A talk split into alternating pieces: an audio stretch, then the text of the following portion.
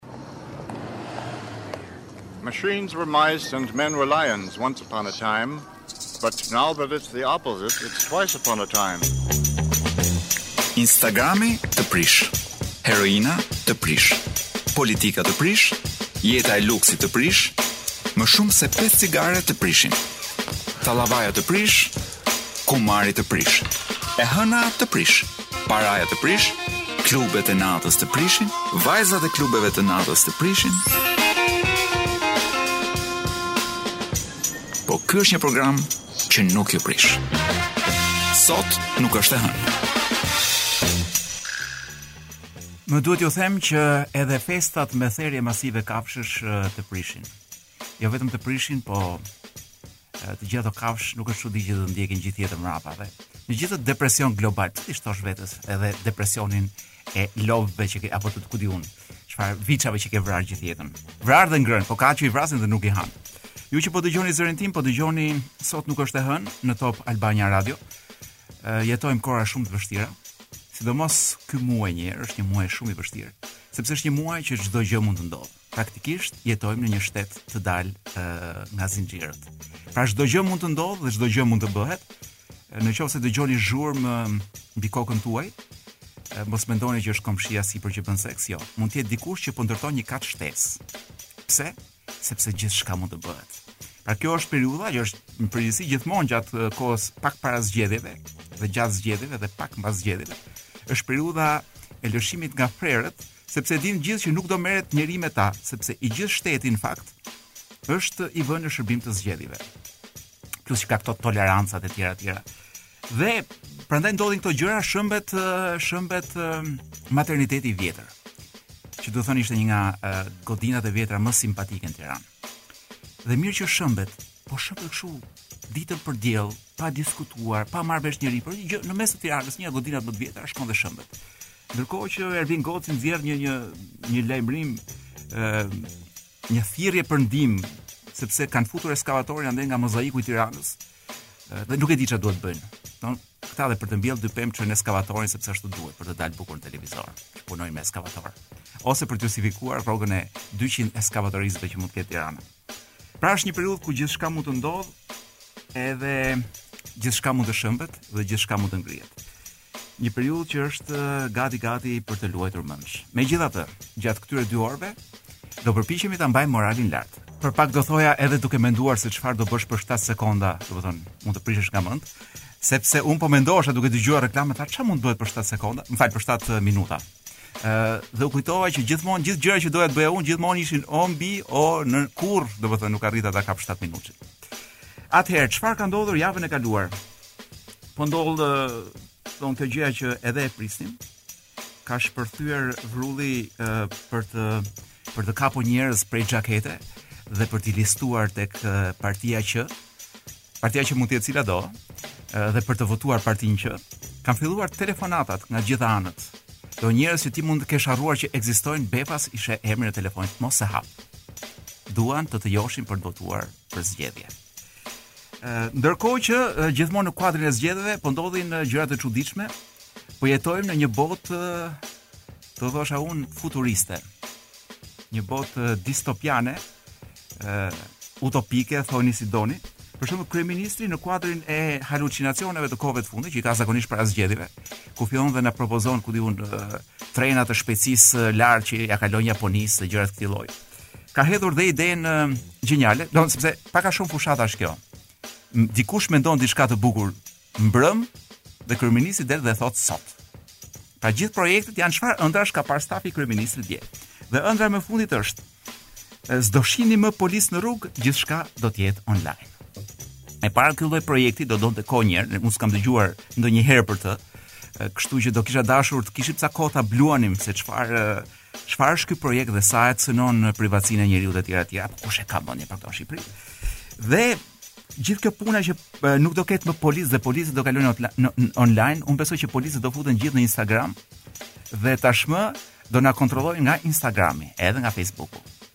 Sepse shqiptarët e kanë këtë sinqeritet të madh, domethënë sa herë që bëjnë një shkelje me të kuqe e fotografojnë dhe e hedhin në Instagram. Sa herë që ecin në një rrugë që është me 40, ecin me 140, edhe këtë e fotografojnë dhe e hedhin në Instagram. Kështu që kryeministri ka menduar mirë që policët duhet na monitorojnë nga Instagrami. I vetmi problem është që kujt do t'ia japim ryshfetin tani? Në qoftë se policët do dalin në Instagram. Kështu që ndoshta kryeministri duhet mendojë edhe për një website ku ne të çojmë ryshfetet për policët. Gjithashtu në këndin e kryeministrit, sepse halucinacionet më të mëdha vijnë nga ana e e fushatës së kryeministrit. Ë lexoj që paska thënë këtë deklaratë, shqiptarët duan punë duke qëndruar në kafe, por do të vinë punëtorë të huaj në vend. E para nuk e di se si njeri ë mund të ofendojë në këtë lloj forme ata njerëz që do t'u marri edhe votën. Se ky ky lajtmotivi i kryeministrit që i konsideron shqiptarët si dembelë. Domethënë mua më duket shumë fyes. Do un vet, pa po edhe, edhe DJ Wizi gjithashtu, jemi njerëz që punojmë ditë e natë. DJ Wizi më shumë natën do thoja unë. Jo më shumë natën, por kryesisht vetëm natën. Jo vetëm natën, por nuk e di se ç'është dita. Ngaqë punon gjithë natën, pra gjitha netët e këtij viti ky ka punuar. Uh, dhe më duket vetja shumë i ofenduar nga këto fraza të kryeministrit, i cili nuk është çudi që e ka fjalën për nigerianët që luajnë me Laçin, ndoshta. Por fakti që shqiptarët nuk punojnë është se nuk ka punë zoti kryeministër. Domethënë, në qoftë se un kam një dy fakultete dhe ti do që un të shkoj dhe të pastroj kanalet, Unë them që do ta bëj këtë gjë kur ta bësh ti i parë. Domethënë, jam gati të pastroj kanalet kur ti të më japësh shembullin personal. Kështu që ti në kanal, ne në kanal. Ti jo në kanal, as neve nuk duam të të, të punojmë në kanal. Ë, kemi edhe lajme të tjera me të cilat do merremi çik më vonë. Ah, është dhe një gjë tjetër që po ndodh, që nuk më habit fare, që ka bërë një investigim nga or, nga TV Ora, me sa shoh unë, i cili tregon se zyrat e PS-së në Tiranë po zhvendosin votuesit me një telefonat. Nuk e di sa e vërtetë dhe në ç'masë është kjo gjëja, po dëgjova një diçka të tillë që vetëm në 4 muajt e fundit në Yzberisht janë shtuar më ku di unë sa ishin për ta gjetur numrin. Duket se thoshte janë 14000 banorë të rinj, a një gjë e tillë. Domethënë Yzberishti si Manhattani, me me të njëjtin densitet popullsie si Manhattani. Përveç faktit që Në Manhattan janë gradaçelat nga 80 kate, kurse në Yzberisht janë 800 veta që jetojnë në një shtëpi në, në një vilë dykatëshe. Ë, po 14000 vota nuk janë pak, 14000 vota janë një deputet praktikisht. Pra Yzberishti mund të ndryshojë fatet e vendit. A thua vallë? Dhe me Yzberishtin unë mendoj që ta mbyllim. Ah, paska edhe një treg edhe gjë të fundit. Uh, paska uh, sipas një uh, hulumtimi më fal të BIRN-it, paska tashmë një treg të zi të shitjes së oksigjenit, i cili pululëzonka në mes të pandemisë së Covidit dhe mu nën syrin e perandorit tonë syçelët.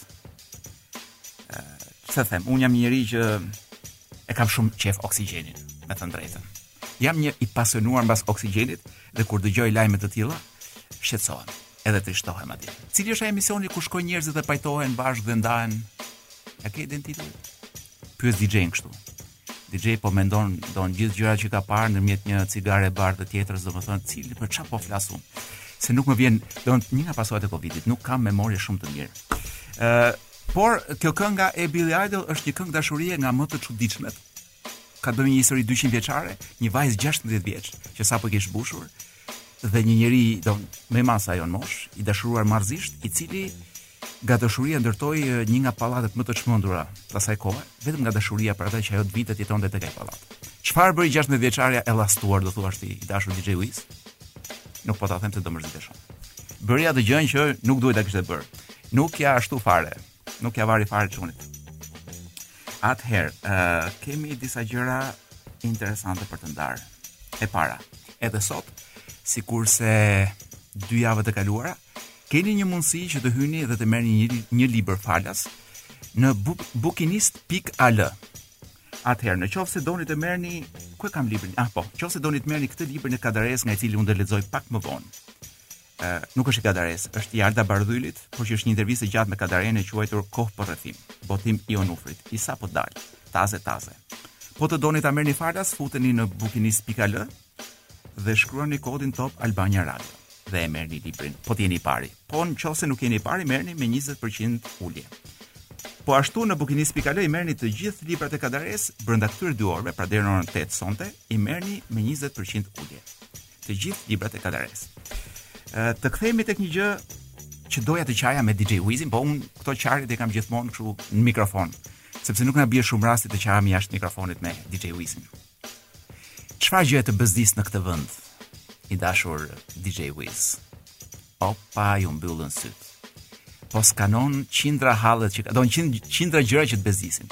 Atë ti ndaj me kategori. Një kategori e madhe janë gjëra që bën njerëzit makinë.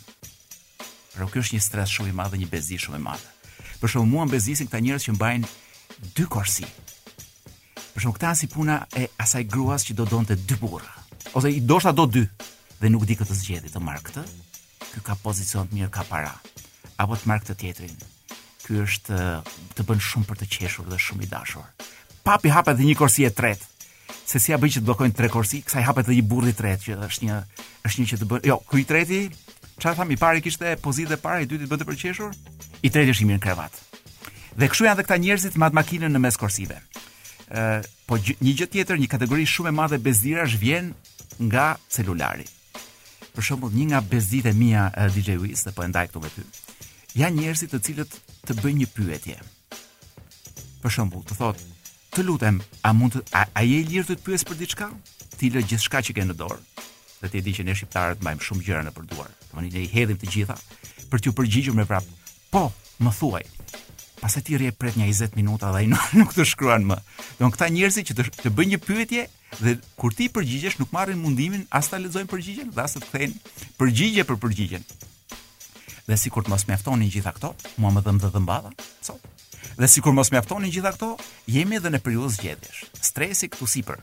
Atëherë, një leksion nga një striptiste. E kam takuar DJ Wiz, se jetojmë në kohëra pandemie dhe me demek që çdo gjë është mbyllur. Në fakt çdo gjë është hapur. Për shembull, dijeni që klubet e striptizës vazhdojnë të jenë hapur. Sepse Covidi aty i ka marrë ç'kishte për të marrë.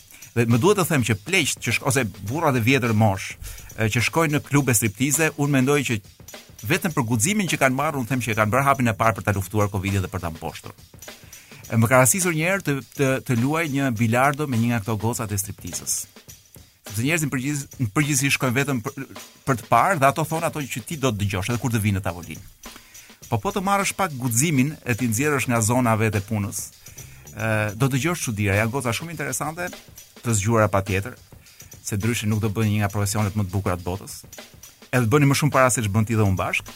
ë dhe kjo striptisja, ndërkohë që loznim bilardo, Sigurisht që s'ishim tek për tek këtu, s'të lë, don s'të lën shokët të jesh tek për tek me një striptiste. Më dha një nga mësimet më të më të mira lidhje me burrat. Domethënë mësimi nuk ishte për mua, po mësimi ishte për gjitha vajzat e reja që mund të bien pre e meshkujve që janë më të sofistikuar se sa duhet. Dhe më tha një gjë që e kam shkruar që ta mbaj mend. Ë kur e pyesja për meshkujt që njifte edhe ku diun ç'mendonte për meshkujt, tha ë mashkulli më i poshtër dhe mashkulli nga, nga i cili duhet të ruhesh, tha. Është ai tha që mban era marijuanë tha dhe era ilaç rrobash. Hajde gjeje po duash. Domethënë, shiko ç'kish kuptuar, po t'i kesh këto dy kombinime te i njëjti burrë, ai është një burrë, ai as ai është një maskara burrë do të thotë po flasim kështu domethënë sipas këndvështrimit të kësaj striptises ç'të të them unë fakt nuk isha nisur për të folur për striptisen doja të flisja për një lajm të zhdukur nga qarkullimi por që mua më pëlqeu shumë lajmi kishte të bënte me një shqiptar të Italisë po e them përmbledhur se nuk e lexoj dot se s'po e gjej dot e gjeta dje dhe nuk e gjej dot më sot arsyet pse lajmi është zhdukur janë dy ose lajmi ishte një gënjeshtër dhe nuk do habitesha sepse e pashë në një website shqiptar jo shumë serioz. ë uh, ose ai që s'ia përmendim dot emrin ë uh, ka çuar urdhër hiqeni more këtë lajm se na turpëroi. Dhe lajmi ishte ky, një shqiptar i cili kapet në Itali duke dhënë makinës me patentë shqiptare. Sepse i ziu, i ziu shqiptar sipas këtij lajmi, e paskësh marrë shumë seriozisht deklaratën e kryeministrit në Facebook që paskësh thënë Nuk po s'e kam parë, po e kam të thënë nga ky lajmi, që paskësh thënë se do të unifikojmë patentat ne me, me Italinë, pra Shqipëri dhe Itali do unifikojmë patentat. Që më duket një gjë shumë e bukur po të ndodh, po nuk e kuptoj pse duhet ta bëjnë italianët këtë. Nejse, e kapin shqiptarin e shkretë me makinë dhe me patentë shqiptare rrugët e Italisë, dhe ky thotë shiko se janë njësuar patentat i thotë atyre. Ata i thonë, jo, jo, e ky thotë, shiko se e di mirë unë, janë njësuar, kemi njëlloj patentat. Italiani albanezi, fratelli. Jo, jo, i thonë ata. Atëherë ky për dëshmi gje se çfarë bën DJ Wiz. Hap celularin, gjen Facebookun e kryeministrit dhe i tregon atyre postimin e kryeministrit. Ja mor thotë janë njësuar. Dhe këtu problemi është që neve e kemi shndruar Facebookun e kryeministrit në fletoren zyrtare. Pra ne mendojmë që ato që thuhen aty janë ligjet e Shqipërisë dhe jo ato që duhet të dalin në fletoren zyrtare. Sa i vërtetë është ky lajm nuk e di, po e kishte nxjerrë një nga këto media shqiptare që pastaj është zhdukur nga qarkullimi. Ja, këtë desha të thosha. Jemi tek një njeri po aq i moshuar, por gjithashtu i veçantë dhe simpatik që është Kadareja. Kam në duar librin Kohë për rrëfim është dialog i Kadares me Alda Bardylin, është unë besoj një nga rrëfimet më të mira dhe më të gjata, më të gjata dhe të thella dhe të gjëra të Kadares për shumë çështje. Kjo është hera e fundit që lexoj nga ky libër në studio. Më duhet t'ju rikujtoj që deri në orën 8 ju keni mundësi që këtë libër ta merrni me 20% ulje në bukinist.al. Do shkoni atje, do fusni ë kodin Top Albania Radio dhe do merrni librin me ulje. I pari e ka marr me e ka marr falas, po un kam frikë që nuk jeni më i pari, kështu që do e merrni vetëm me 20% ulje. Po ashtu gjithë librat e Kadares në bukinist.al i merrni sot deri në orën 8, po t'i porosisni me 20% ulje. Kam hapur e, librin, më duhet të them që është botim i Onufrit i këtij viti, taze fare.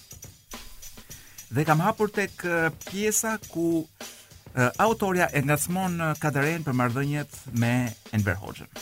Ky flet gjatë këtu, po unë do përpiqem të të shkëpus uh, copra. E dini që flet pra komenton Kadareja dhe për homoseksualitetin e prezumuar të Enver Hoxhës. Ju do thoni filloje filloje nga aty. Jo, nuk do ta filloj aty. Me homoseksualitetin do ta mbarojmë, mendoj unë. Pra do ta lëmë në fund. Po na doli koha. Po s'na doli do merrni librin ta lexoni librin. Çfarë thot Kadareja për Enverin? Thot ë ndër të tjera. Ne kemi qenë komshinj në lagjen më të vjetër e më të madhe të Gjirokastrës. Te rrugica që unë i kam ringjallur emrin e çuditshëm Sokaku i të marrëve. Në Gjirokastër Enver Hoxha nuk njihej shumë gjatë luftës, pasi shtëpitë gjirokastrite kishin shumë identitet të fortë dhe nuk lejonin spikatjen e identiteteve të zbehta, siç ishte ajo e familjes së Hoxhatëve. Familje Hoxhatë do të thotë familje e nivelit të dytë apo të tretë, pa identitet, pa shtyllë të madhe apo pa lavdi në thonjza. pa emra të shquar. Ndoshta Enver Hoxha ka ndier një lloj përçmimi të qytetit që në adoleshencë dhe ka ruajtur gjithë jetën një lloj zemërimi ndaj atyre më të shquarve, më të dukshëmve, më sundimtarëve. Pas luftës ai arriti të krijojë një lloj autoriteti. Kjo ishte një ndër arsyet se pse Hoxha nuk la asnjë njeri, por i shpërnguli të gjithë.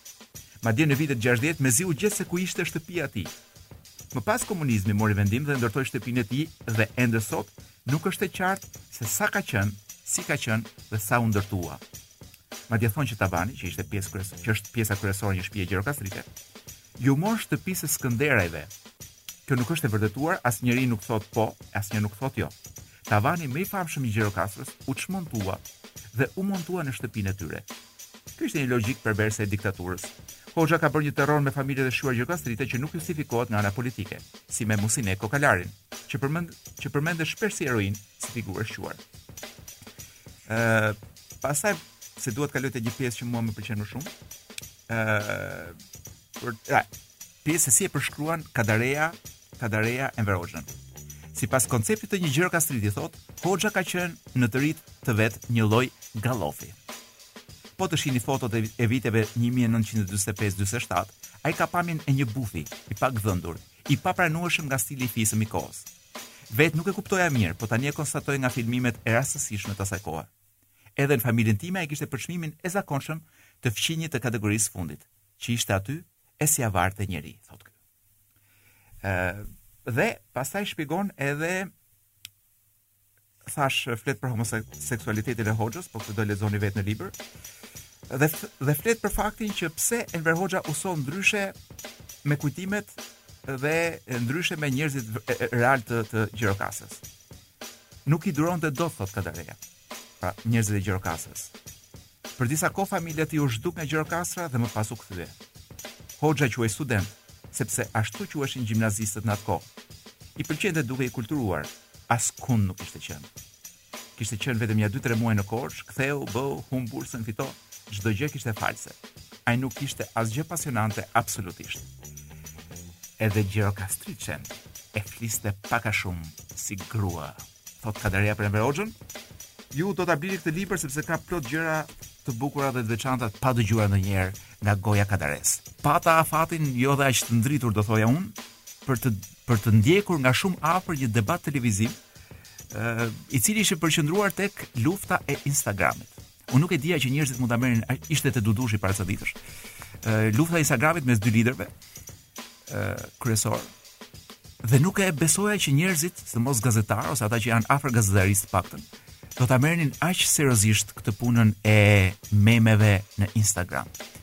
Të kryeministrit apo të kryetarit të opozitës apo të, të të zëvendës kryetarit të opozitës se ku di unë se kush tjetër. Sepse mua më duket një tallje gjigante kjo puna e Instagramit. Më duhet të rikujtoj që Castroja, Fideli, e mundi Amerikën dhe e mori Kubën në saje të një radioje. Edhe nazistët në Amerikë në saje të një radioje e morën pushtetin dhe e mbajtën madje. Kështu që këto mjete që ishin mjete të reja, domethënë në rastin e Gebelsit për shkak se radio ishte gjë e re në atë kohë.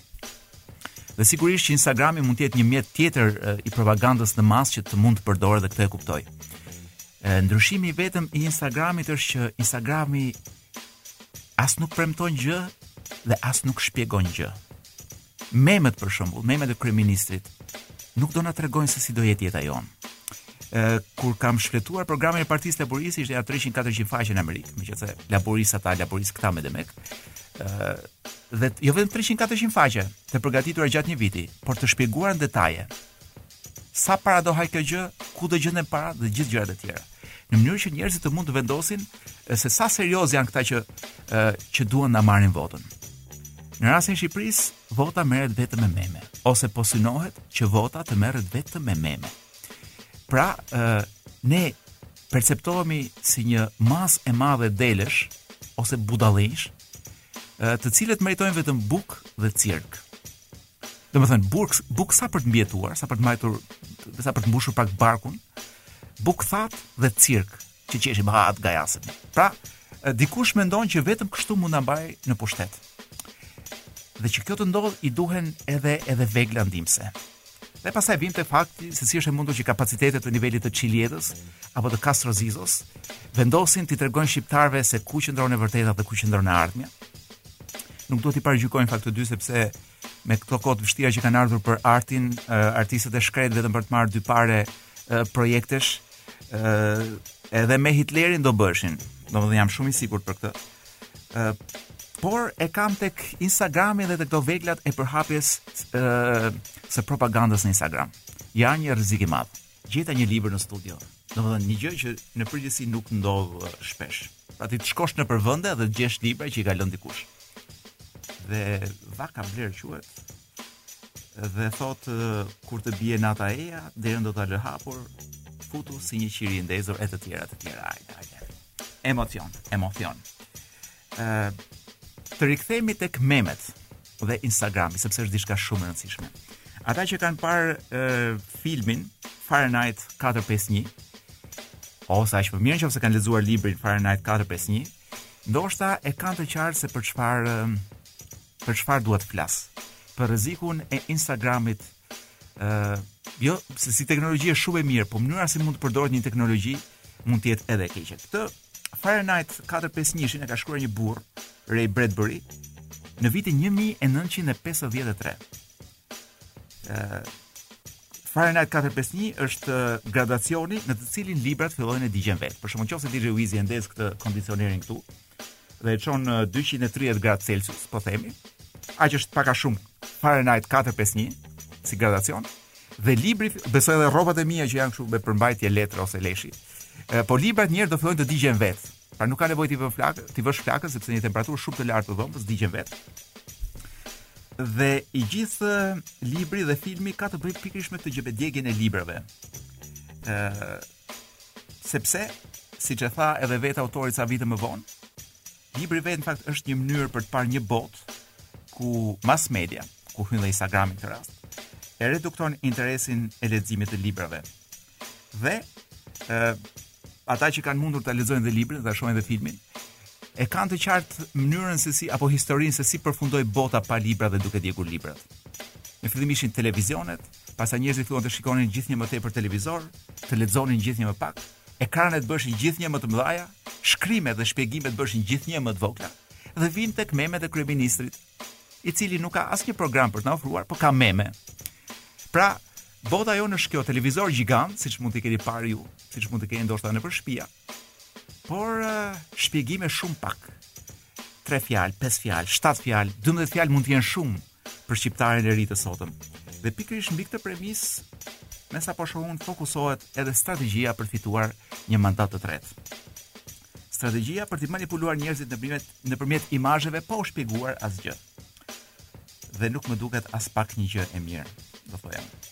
Kështu që bota ku po shkojmë DJ Wiz i ngjan shumë kësaj botës së uh, Fahrenheit uh, 4-5 njëshit. Se kështu filloi bota. Shih shumë televizor, shiko shumë Përputhen. Edhe mos ki vëmendje. Nuk ke nerva të lexosh më shumë se se dy rreshta. Edhe nuk ka programe pastaj. Dhe kur vjen puna, ti nuk di të lexosh më. Ama, kënaqesh duke parë televizor gjithë ditën. E mbylla me këtë punën e memeve, por unë mendoj që është një dëm shumë i madh për demokracinë dhe ne nuk duhet t'i marrim shumë seriozisht, po duhet të kërkojmë diçka më konkrete. ku do na çojë ai që do fitojë zgjedhjet. Pra jo çfarë memesh do na japi të na argëtojë, po çfarë plani konkret ka për Shqipërinë. Edhe për muzikën, edhe për koncertet e natës, edhe për festivalet me DJ, të gjitha duam t'i dimë. Apo jo, DJ Wiz, ashtu te. Dhe po lexoja nja dy nga këto sondazhe që kanë dalë kohën e fundit. Javën e kaluar, më saktë. Dhe i pari ka të bëjë me lumturinë, mund ta keni lexuar mundet jo, po i bëjmë një rishikim. Për të parë ku gjendemi ne nga pikëpamja e lumturisë, aq më tepër në këto kohëra pandemie. Dhe rezultati nuk është shumë inkurajues për ne. Në dhe në gjithë, për sa i përket botës, Finlanda është vëndi më i lumtur në botë, me sa duket, dhe ndiqet nga Islanda. Po për sa i përket zonës tonë, me që krahasohemi me të afërmit tanë, Vendi më i lumtur i rajonit është Kosova, vendi i 31-të në botë. ë ka lënë mbrapa shumë vende të tjera, Polonia, Japonia, ku di unë. Serbia, jo keq, vendi 42-të, neve gjeje ku jemi DJ Wiz. 400 ja ja. Jo, se nuk ka 400 vende se po të kishte edhe mund t'i zinim. Neve jemi vendi i 65. Çështja është nga se përcaktohet lumturia. Këta të Gallupit kanë gjetur disa instrumenta dhe kanë vendosur disa kritere për të kuptuar se si është një komb i lumtur apo jo. Ë ka disa parametra pra indikatorë që janë socialë, ekonomikë, kulturorë, por një nga më të rëndësishmit është ai që ka të bëjë me besimin që ka ë publiku apo njerëzit apo populli i një vendi tek institucionet. Prandaj Kosova është kaq mirë.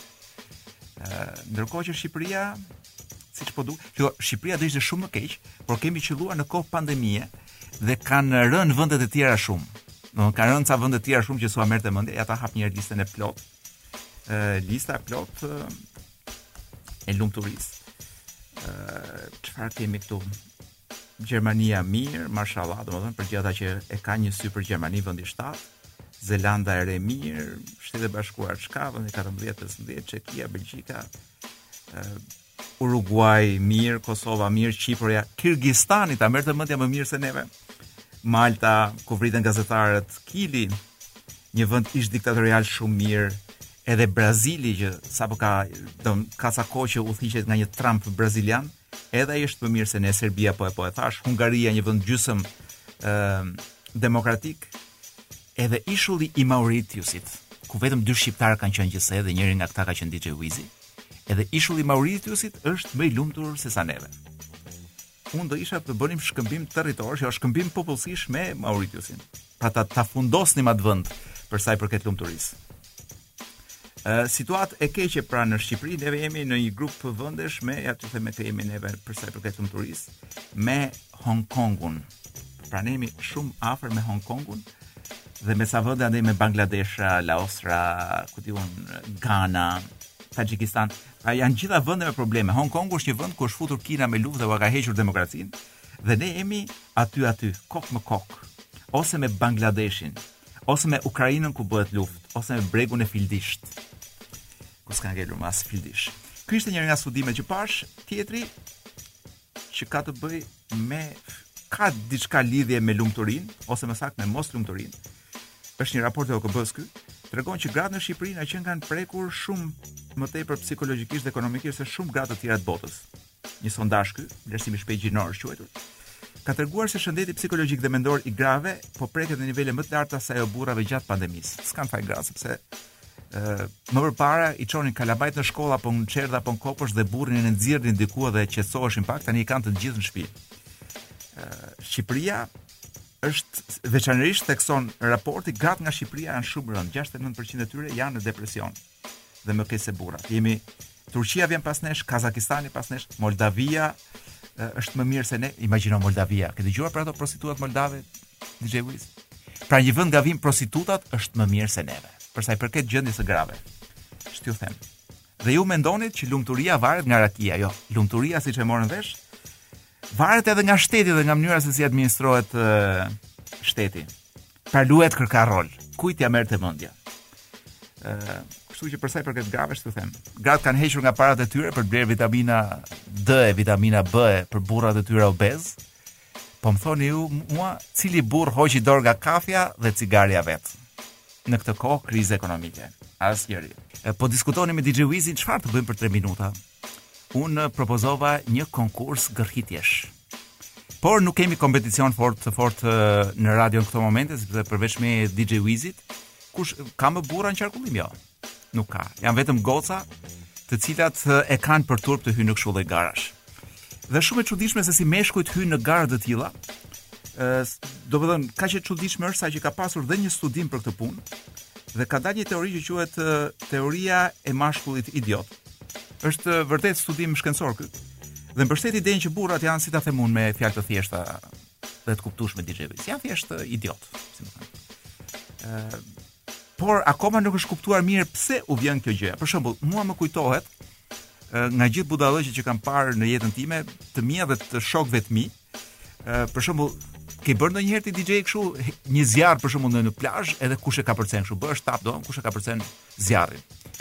Ë më vonë të nesërmen pasi je djegur për të çalluar ti s'e kupton dot pse ke bërë këtë gjë domethënë çfarë çfarë ku doje të arrije ti dhe shokët me këtë gjë po unë kam parë edhe ca gjëra të tjera për shembull një parti rreth pishine për shembull bëj një garë kush pi ujë nga ai i pishinës le të themi që në pishinë jo vetëm ishin larë njerëzit Domethënë, në pishinë vetëm gjarprin nuk kishin hedhur, po gjithë gjithë gjërat e tjera në atë pishinë kishin ndodhur, dhe unë di njërin që e piu atë ujin e pishinës, edhe sigurisht që pati probleme me stomakun, po.